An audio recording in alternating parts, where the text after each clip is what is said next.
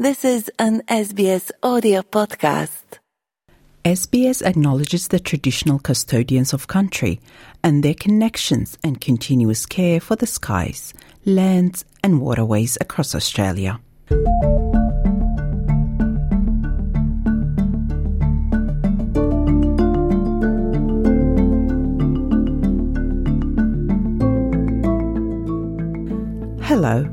Welcome to this episode of The Settlement Guide, a series where we help you navigate life in Australia.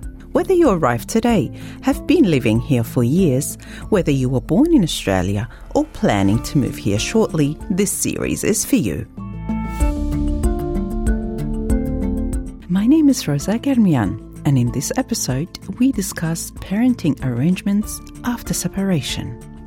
Under the Australian Family Law Act, the welfare rights of the child guide parenting negotiations following separation or divorce.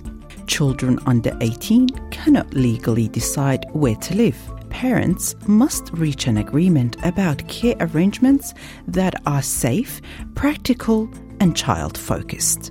Agreements negotiated between parents are known to be more effective in reducing conflict and creating certainty for children. And most parents want to achieve this, including those who find themselves in court. The Family Law Act applies equally to married, de facto, or same sex parents, as well as carers such as grandparents. It ensures that children have the right to maintain meaningful relationships with both parents without making any assumptions about gender or parenting roles within a family. Therefore, after a separation, neither parent is automatically entitled to solely care for a child or make decisions on behalf of the other parent. Bernadette Grandinati is acting program manager at Victoria Legal Aid. She explains how parental responsibility is divided under the law. Under the Family Law Act, there is the presumption of equal shared parental responsibility.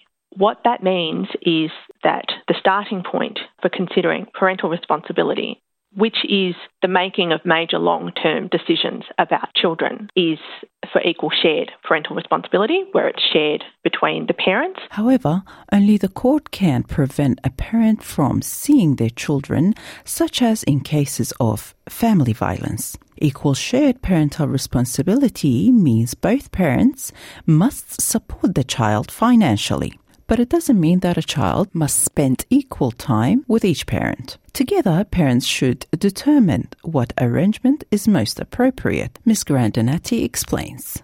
A lot of people who separate are able to make parenting arrangements between themselves.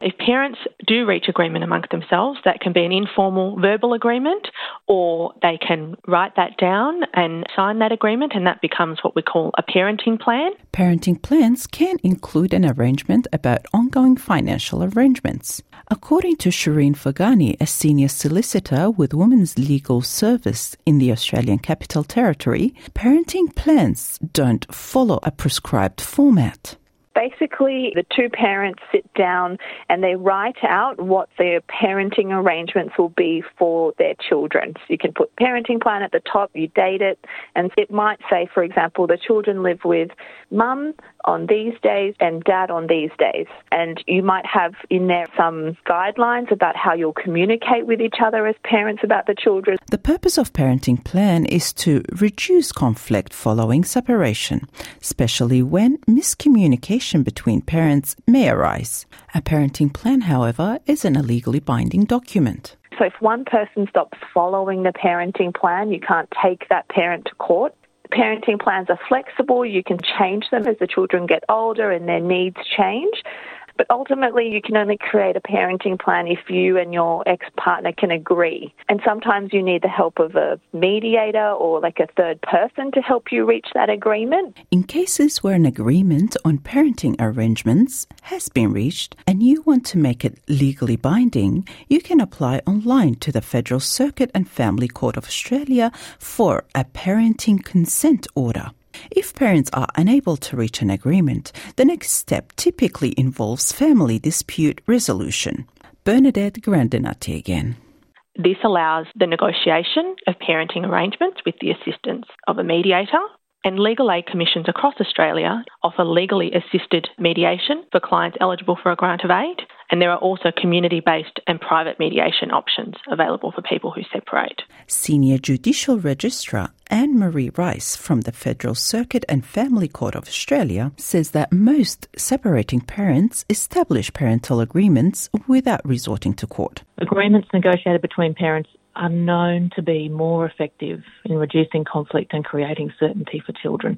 And most parents want to achieve this, including those who find themselves in court. Even if you end up having to go to court because you haven't been able to reach an agreement, then the chances of ending up in a trial before a judge are very low. The court will help you to find ways to safely negotiate an agreement that works for you and your children. Registrar Rice highlights that the court has an obligation to help parents resolve disputes as quickly and cost effectively as possible. However, it is never the preferred option. I think everyone who works in the family law system will say the court is a place of last resort. But any person who wants to apply to the court for a formal order about a child must, except in cases of urgency and high risk, first try to reach an agreement with the other parent. That means that they must attend a mediation with a registered family dispute resolution practitioner, and the family must obtain a certificate to confirm that no agreement was able to be reached. A family dispute resolution practitioner or FDRP, is a specially trained mediator who works with families in conflict. You can find a list of FDRPs on the Family Relationship Centre's website, including their locations and fees. Additionally, private mediators offer this service, usually at a higher fee. The Family Court provides online resources to help you reach an agreement without involving the court. You can also contact legal aid services or visit Family Relationships online for assistance. Registrar Rice says there is no need for a lawyer if you attend family dispute resolution.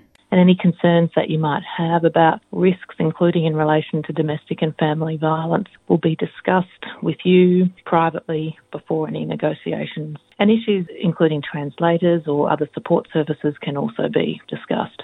Family dispute resolution practitioners are responsible for ensuring that the negotiations are safe and appropriate. And if they're not, then a person can apply to the court. If you receive an invitation from the other parent to attend FDR, consider it carefully and seek legal advice if you have questions.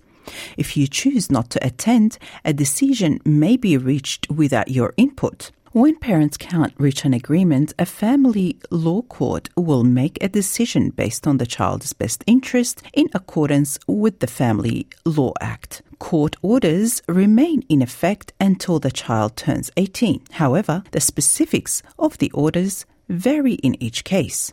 Registrar Rice again. A court order is a formal written document that sets out what parties must do in relation to the children who are involved or the financial affairs.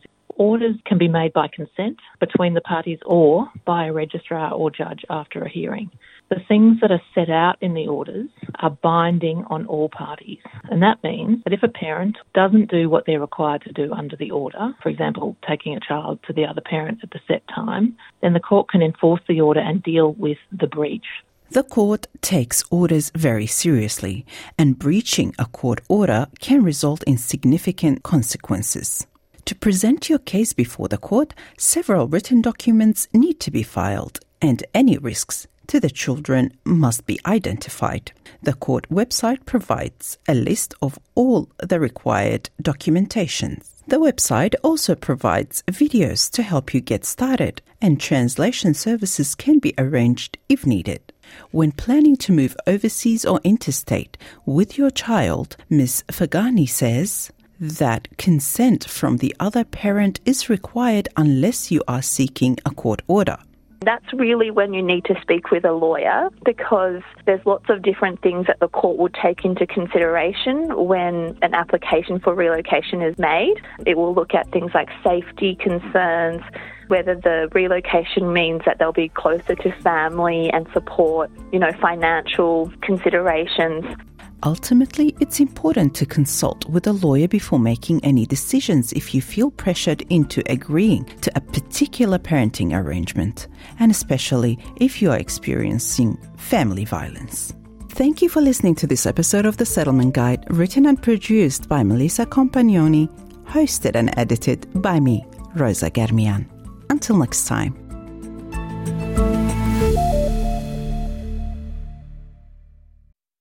sbs.com.au slash audio